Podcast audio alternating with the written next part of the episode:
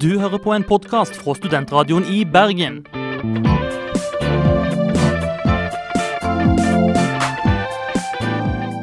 Denne og mange andre flotte podkaster finner du på podkast.srib.no.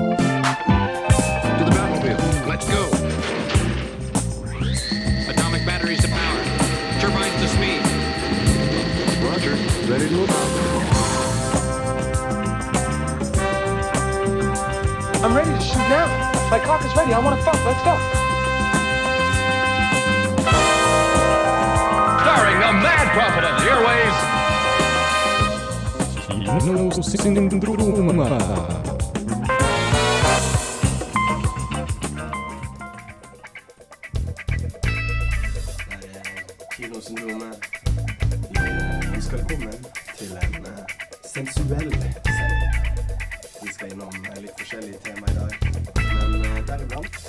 snakke om eh, litt eh, erotikk og sex. Ikke sant, Anders?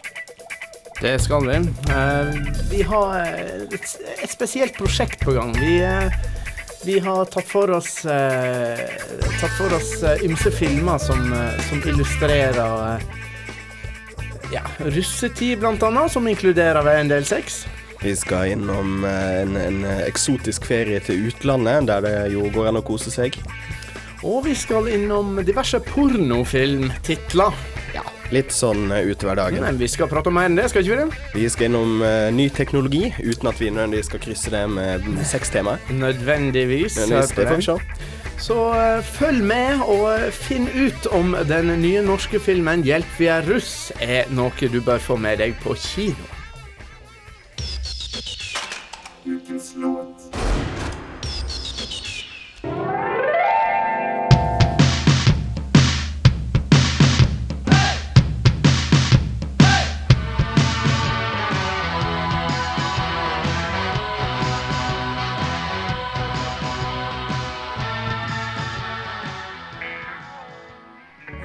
Ukas låt som heter Punks on Mars med Glitter on Mars. Og nå til ukas ukas nærsendingas første pornotittel. Det er In Diana Jones and The Temple of Poon. Og da skal vi over til den eh, første anmeldelsen denne uka. Ah, godt med porno pornofilmtitler der. Ja, porno, nei, nok, nok ah. pornofilmtitler for nå. Uh, ja, det, vi skal gjøre til en film som gjerne ikke jeg ville gått og sett på hvis jeg hadde sett han på programmet og sett coveret. Det er gjerne ikke mitt første valg. Nei, det her er en eh, vi, vi, vi skal la Odd eh, få snakke for seg eh, om relativt kort tid, men vi skal altså til Castaway on the Moon. Som, er, er Tom Hanks med? nei, det er ikke Tom Hanks, men det er en Robinson-historie uh, fra Sør-Korea. Skal en tolke mediene sine oppslag, ser det ut som om verden går til helvete. Ozonlaget er kanskje blitt reddet, men vi har global oppvarming som skaper jævelskap for gud og hvermann. Kriger herjer og folk dør i hopevis. Datalagringsdirektiv og politikere som lager hjemmefilmer av 15 år gamle gutter i dusjen. Stadig større gjeld og større press fra arbeid og unger. Hvor deilig hadde det ikke vært å slippe unna alt dette? Bare forsvinne og la disse problemene fare stille forbi.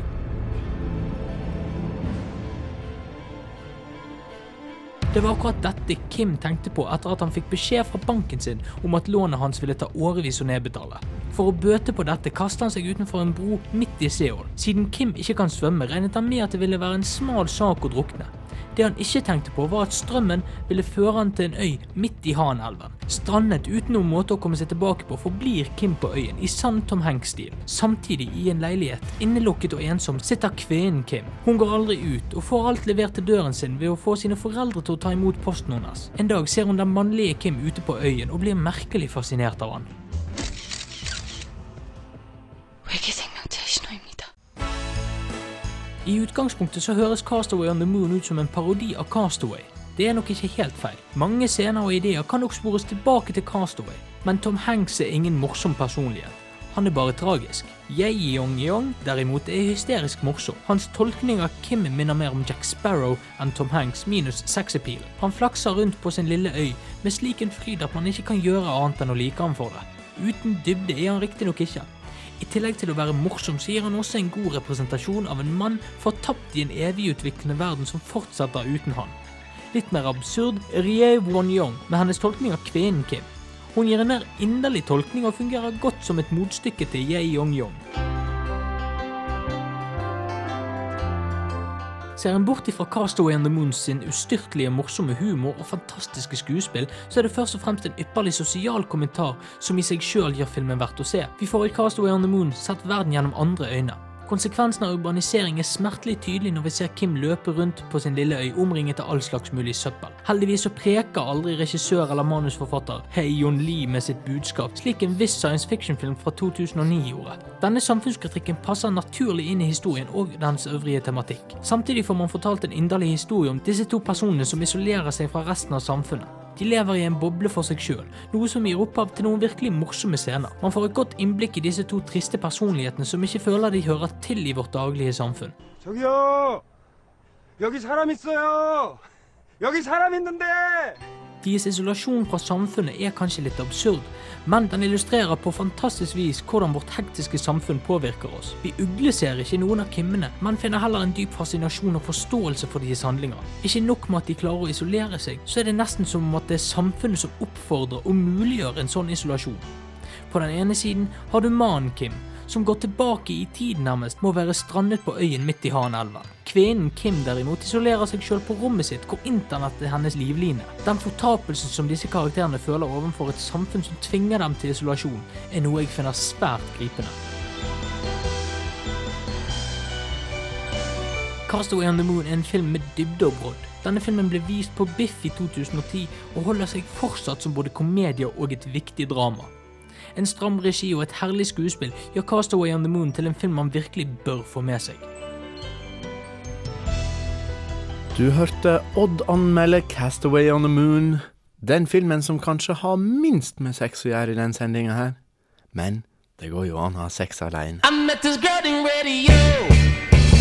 Said her signal was low.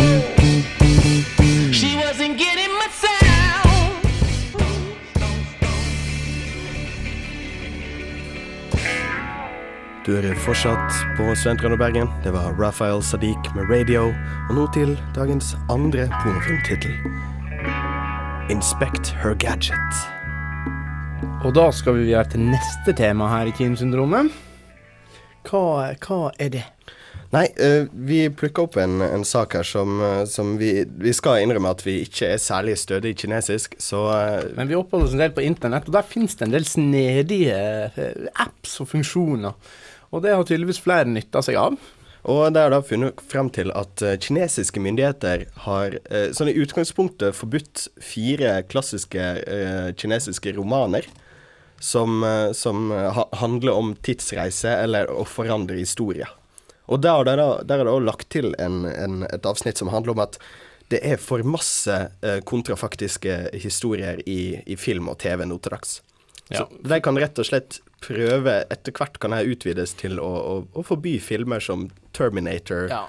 Back to the Future osv. Ja, for, fordi at Kina er jo et eh, regime som er opptatt veldig mye av å kunne styre hva folk mener. Altså Ja. Det er en del, en del kinesere der ute, og for å på en måte ha kontroll over dem, så er de, har de lagt seg på en linje der de skal styre hva altså, for, folk mener, og derfor hva input de får. Så det er jo ikke overraskende, men det er jo synd, da. Ja, men på andre sida, det, det faller jo Det er jo litt uh, ironisk òg, med tanke på at de, eh, at, eh, de sjøl, som kanskje prøver å kontrollere historien, uh, forbyr popkulturelle fenomen som prøver å forandre, eller prøver å, å vise noe som har forandret historien. Ja, for jeg hadde ikke Jeg vet ikke om jeg hadde greid å leve uten Back to the Future. Altså. Og hva med liksom Lost og mye tidsreiser? Ja, for så vidt. Og eh, det finnes en film fra 1960, H.G. Wells-basert. Eh, det, det kom vel en remake der òg, eh, uten å nevne den mer. Så eh, jeg vil anbefale den, eh, den eh, The Time Machine fra 1960 òg. Det er en- virkelig sånn flott sci-fi av gammel klasse. Ja, Så får vi håpe at uh, uansett hvor mye datalagringsdirektivet slår inn, så kommer vi i hvert fall uh, aldri lenger enn til at eh, det blir aldri forbudt her i Norge. Do you feel like?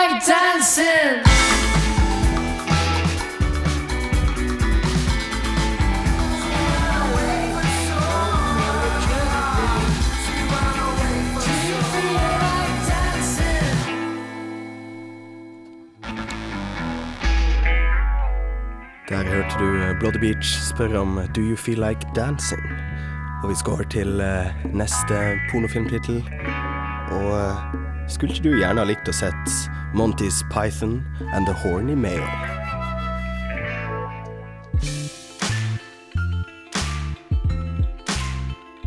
Hei, dette er direktør ved Bergen kino, Elisabeth Halvorsen. Du hører på byens beste filmprogram, Kinosyndromet.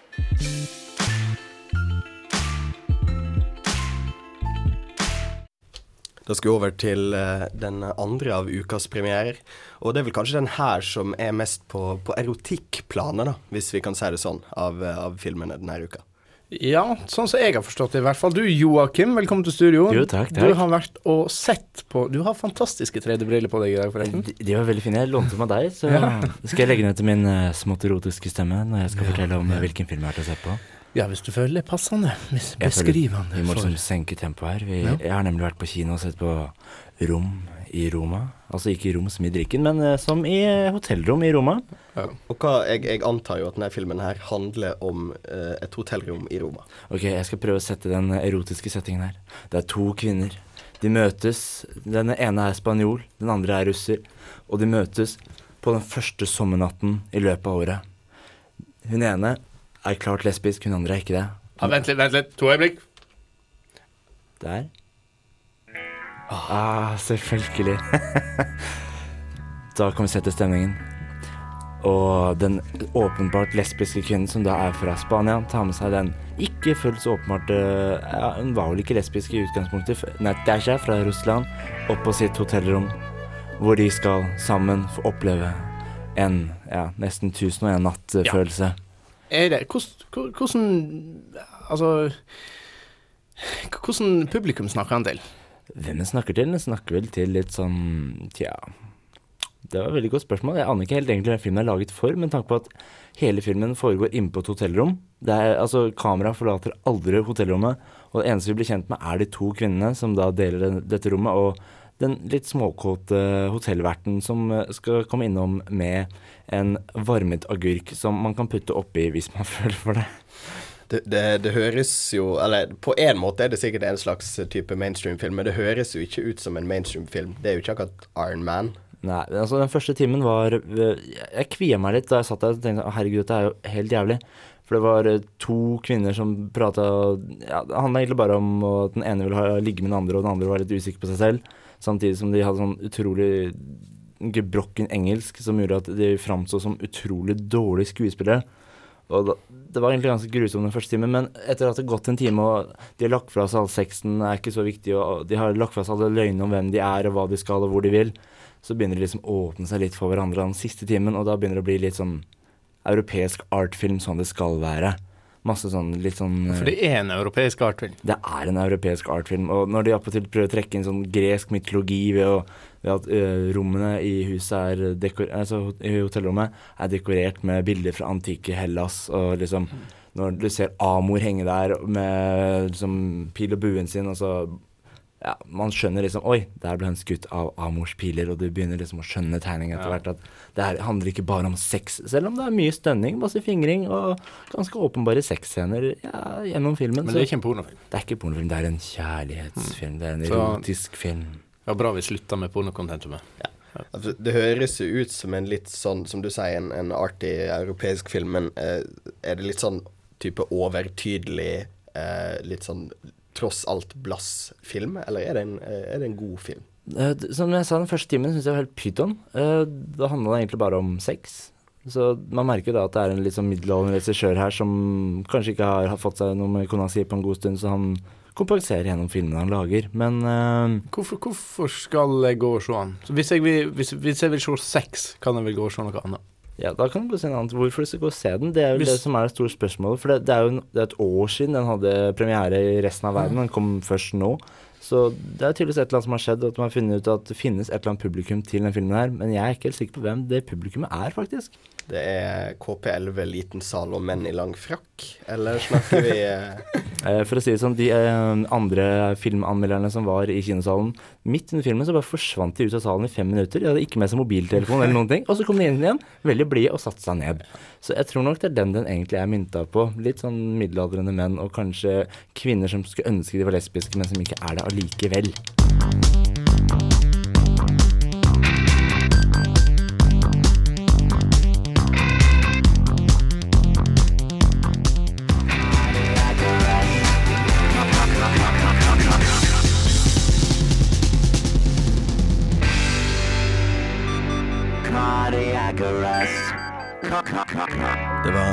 Teddy Bears eh, med, eh, sammen med den godeste Robin, som sang om cardiac arrest.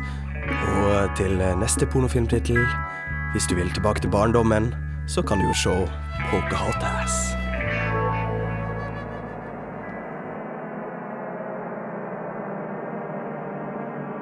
Kinosyndromet. Nå og i 3D.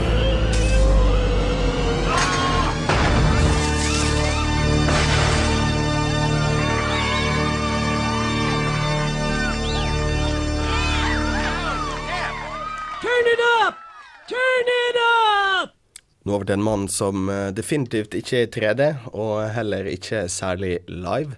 Eh, Vi skal snakke om en mann som gikk bort forrige uke. Den godeste Sydney Lumet. Ja. Eh, jeg må innrømme at jeg er ikke den som har det næreste forholdet til Sydney Lumet, selv om en av mine favorittfilmer er hans klassiske verk 'Twelve Angry Men'. Som faktisk er fra Det, det, var, det var en av hans eh, Jeg skal ikke si tidligste filmer, for på den tida så lagde de jo åtte filmer i uka omtrent. Men han begynte i 51, og en av hans absolutt eh, beste filmer er det altså fra 1957. Men han stoppa jo ikke der. Nei, men eh, det er for øvrig eh, Apropos, eh, apropos eh, rom i Roma, så er jo òg 'Twelve Angry Men' et mesterstykke innenfor film, fordi at det er laga i det ene rommet. Det Ja, det, det er en ufattelig spenning som kommer ut av det ene rommet. Så det er ikke ny kunst, altså. Men- opp men hva- gjennom eh, hva mer han lager? Han eh, står jo bak eh, Dog Day Afternoon, som kanskje er den, en, en av de bokstavelig talt varmeste filmene på denne sida av månen. Det er en, en fantastisk film med Al Pacino. Han har òg vært bort Al Pacino er jo på en måte en av hans eh, skal ikke si faste stallmedlemmer, men han er i hvert fall veldig glad i Al Pacino, som òg var med i Serpico. Og Network er kanskje en av mine mine favoritter av han. En, eh, en eh, tidlig sterk eh, mediekritikk som eh, tar for seg i et, eh, et TV-studio.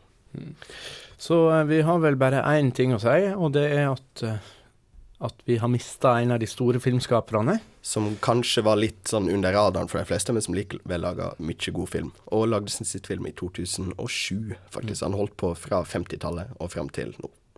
Sidney Lumet, farvel.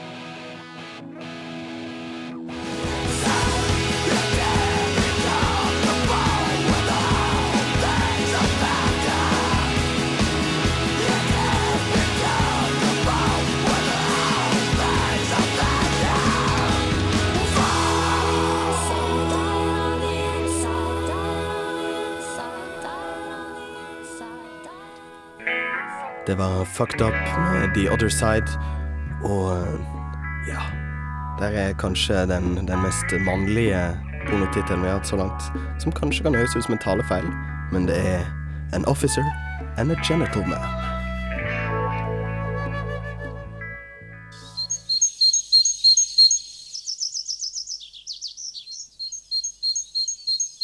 Det du hørte der, det var en eh, kjøttmeis. Og det du hører på nå, det, er- det er kinosyndromet.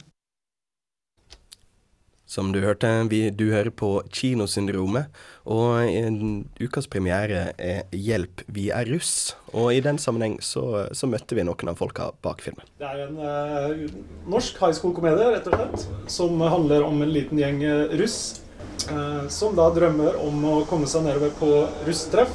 Filmen da handler jo om deres strabasiøse ferd nedover dit. da. Han er voldtektsmann! Vi satte oss ned med regissøren av Hjelp vi er russ, Kenneth Olaf Gjellum, som dere hørte her, og flere av skuespillerne i denne nye norske ungdomskomedien basert på amerikanske high school-filmer. Gjellum selv innrømmer at dette er en B-filmsjanger, Den er like fullt en sjanger han personlig er veldig glad i, og som han selv vokste opp med. Altså, jeg hadde vel egentlig Altså, filmen starta egentlig som en litt mer sånn pastisje av de 80-talls high school-filmene, da. Som eh, liksom eh, USA produserte på 80-tallet.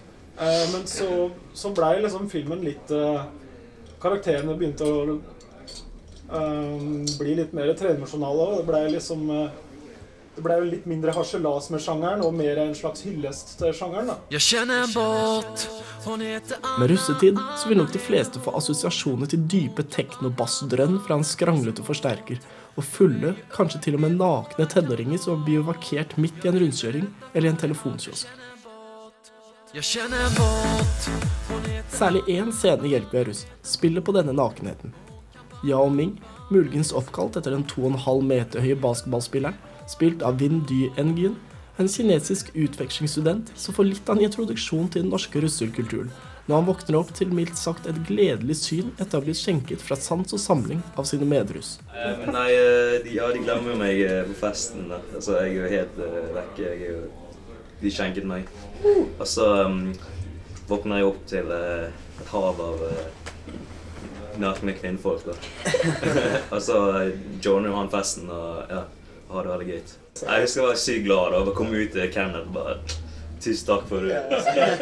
Skrev inn i manuset. og bare... Jeg husker du var helt sånn dønn seriøs og sto borte ved sånn cateringbordet, og så var jeg bare sånn Tusen takk, altså. helt sånn, ja.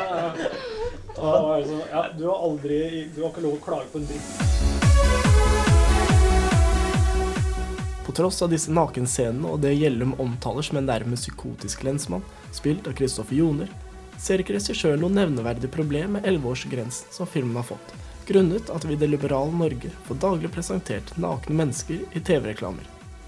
En sånn rent sånn psykologisk eh, terror som kanskje kan være vanskelig for eh, yngre barn å se, det, jeg tror ikke det. Altså, jeg tror eh, Innen man er 11 år, så er man ganske bereist både på internett og på filmer og sånn, så jeg tror ikke det er noe jeg tror ikke det er noe å få mareritt av i denne filmen. her. Hjelp vi russ har premiere nå på fredag, men Film-Norges anmelderkorps har allerede vært ute og trillet med terningene. NRK Filmpolitiets Torfinn Borchhus omtalte filmen som en sitat, 'sjangerkopiering uten glimt i øyet', og terningen hans stoppet på en ener. Det samme gjorde den i VGs lokaler. Regissør Gjellum mener at disse anmelderne muligens faller utenfor den målgruppen som filmen er rettet mot, og at det kan være grunnen til den lavere mottakelsen filmen har fått i media. Ikke sant? Det- skal jo være litt sånn trash, det skal jo være litt tullball, og så skal det være litt varme òg, da, egentlig. Eh, og jeg tror kanskje dem i Akers gate er litt, eh, dem er litt mer på den kan-viben, da. Eh, liker litt mer Arthouse-ting, kanskje, og det er fair enough. Det er liksom det er jo ikke dem som er demografien eh, til denne filmen. Dem jeg håper går og ser filmen, er jo dem som ja, som er i gymnasalder, og som eh, kanskje er veldig nære på den uh, kulturen akkurat nå. Også folk som er på min alder, som liksom var barn på 80-tallet, og som vokste opp med liksom denne sjangerfilmen. da. Um, så ja, det er dem jeg håper går og ser filmen. da.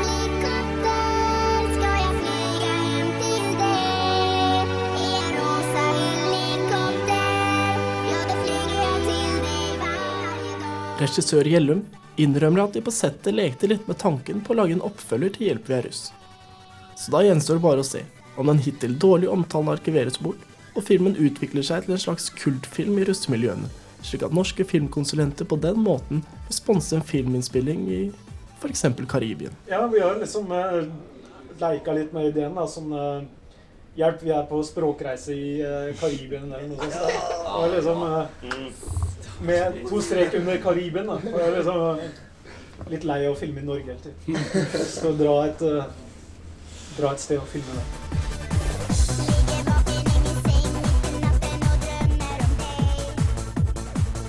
Det var Håkon som hadde intervjua skaperen og skuespillerne i filmen 'Hjelp, vi er russ'.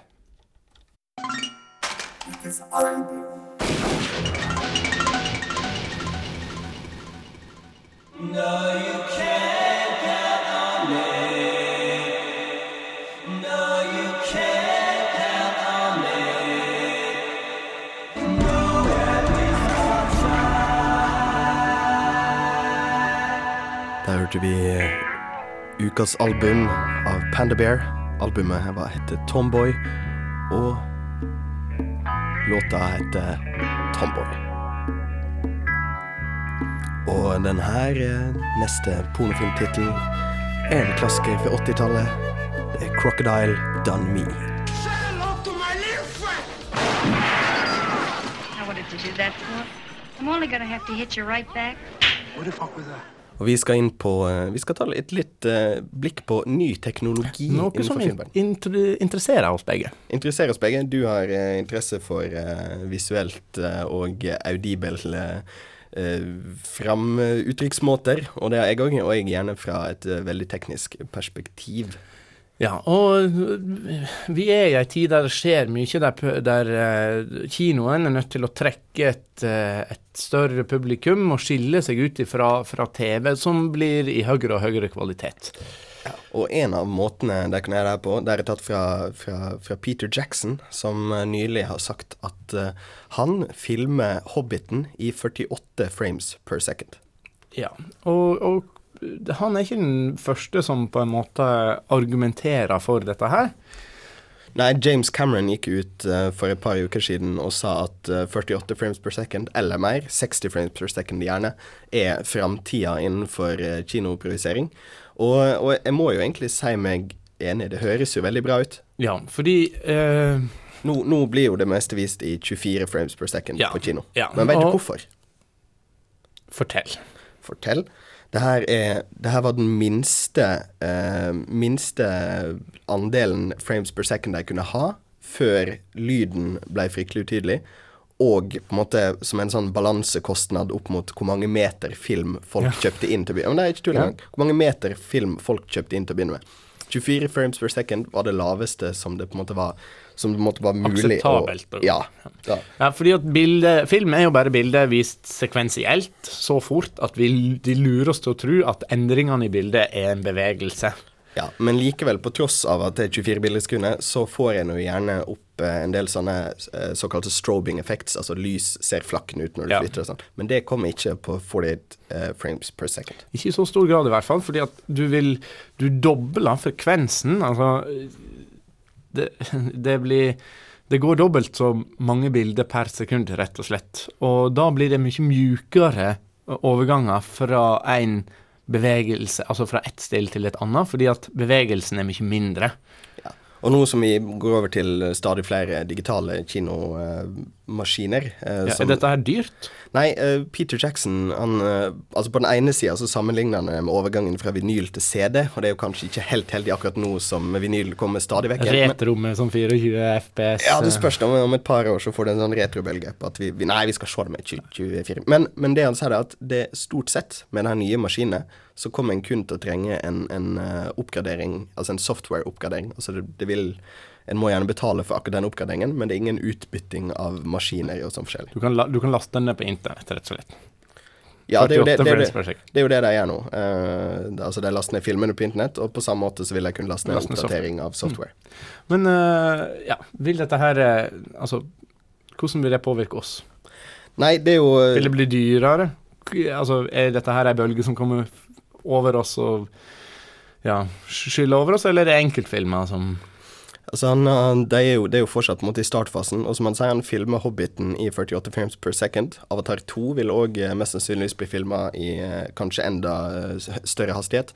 I den grad eh, den kommer til å bli filma. Ja, det var det, da. Men eh, den, den kommer til å, de kommer til å gjøre et forsøk på å, å gjøre det. Og Warn, det- Peter Jackson sier at han har Warner Brothers i ryggen, og har du Warner Brothers i ryggen, så har du jo gjerne et godt utgangspunkt for nesten hva som helst. Ja, så vi, vi kan altså glede oss til eh, nok eh, et steg eh, fram i utviklinga innenfor filmteknologi. Ikke bare innenfor 3D.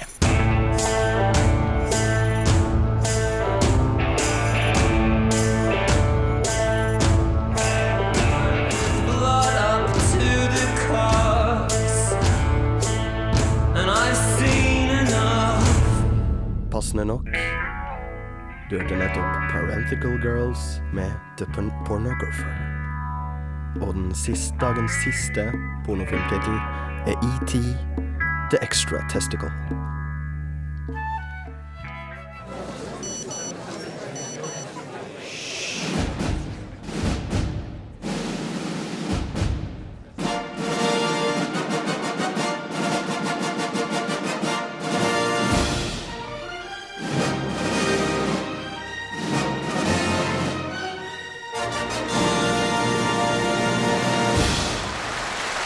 Ukas premiere.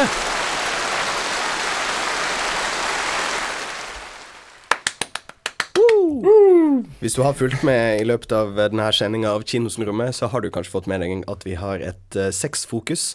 Og over fra den litt mer voksne, sensuelle erotikken fra rom i Roma, eh, så skal vi til litt mer sånn vilsk og sprelsk ungdomssex, kanskje.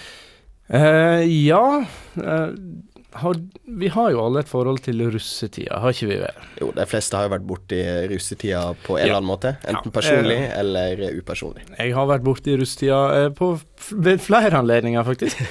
Eh, men uh, Sa nå læreren. Jeg vet ikke helt om jeg skal ta det positivt. Men nå, nå uh, legger vi vår- min lærerutdanning til side. Um, og så eh, Altså, vi ser nå en, en film om russetida. Ja, for det var jo kanskje på tide at det kom en film om russetida som ikke er lettere snuskete. Ja, jeg har jo sett russefilmer før. Ja, det er jo en annen litt uh, kjent uh, norsk serie, filmserie om russ, men det her er da en, en litt mer Dette, voksen denne kan gå på kino. Ja, denne denne går på på kino akkurat nå, og det er snakk om filmen 'Hjelp, vi er russ', som Håkon har intervjua regissør og skuespillere til tidligere i sendingen. Og det er jo du som har vært og sett den her, Anders. Ja. Um, Hva, handler, hva handler den om? Eller de, de, de har jo vært inne på det. Det er en, en det er road movie. Ja.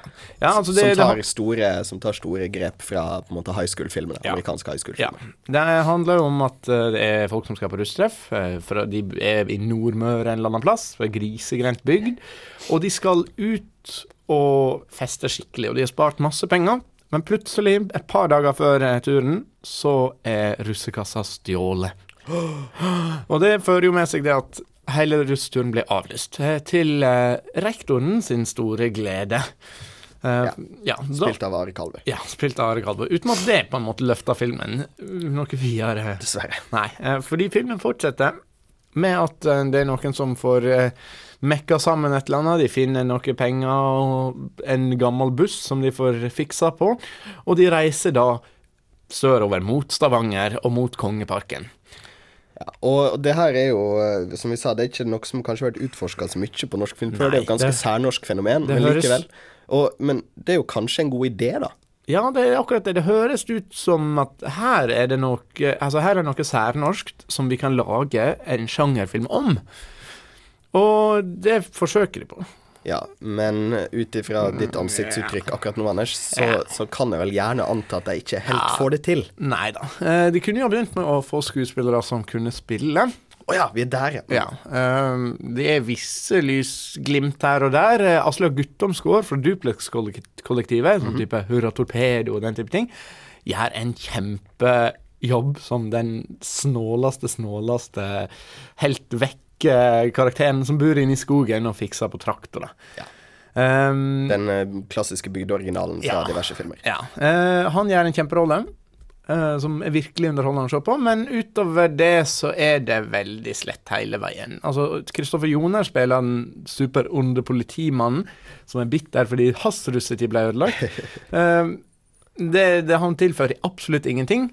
Det blir bare, bare mer kleint. Så er det noen som Hvem er det som kommer til å se denne filmen? Hvem er det som gidder å se denne filmen? her? Nei, Jeg vet ikke, jeg, jeg koste meg. På samme måte som jeg sikkert har glorifisert min egen time liggende ute i spy og, og, og røde, opptusja eh, klær, så, eh, så eh, kommer jeg nok til å greie å glorifisere denne her filmen òg, fordi at ideene er gode, gjennomførelsen er forferdelig dårlig. That will conclude this evening's entertainment.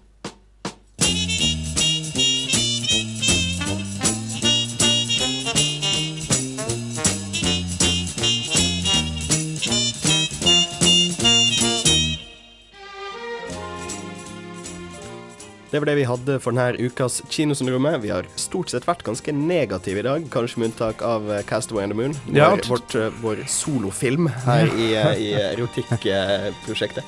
Ja, det er sjelden jeg pleier å være så negativ og sexorientert samtidig, men uh, i dag uh, da har vi Ja. Det, det er ingen av filmene som på en måte har leda virkelig an å, å, å løfte oss.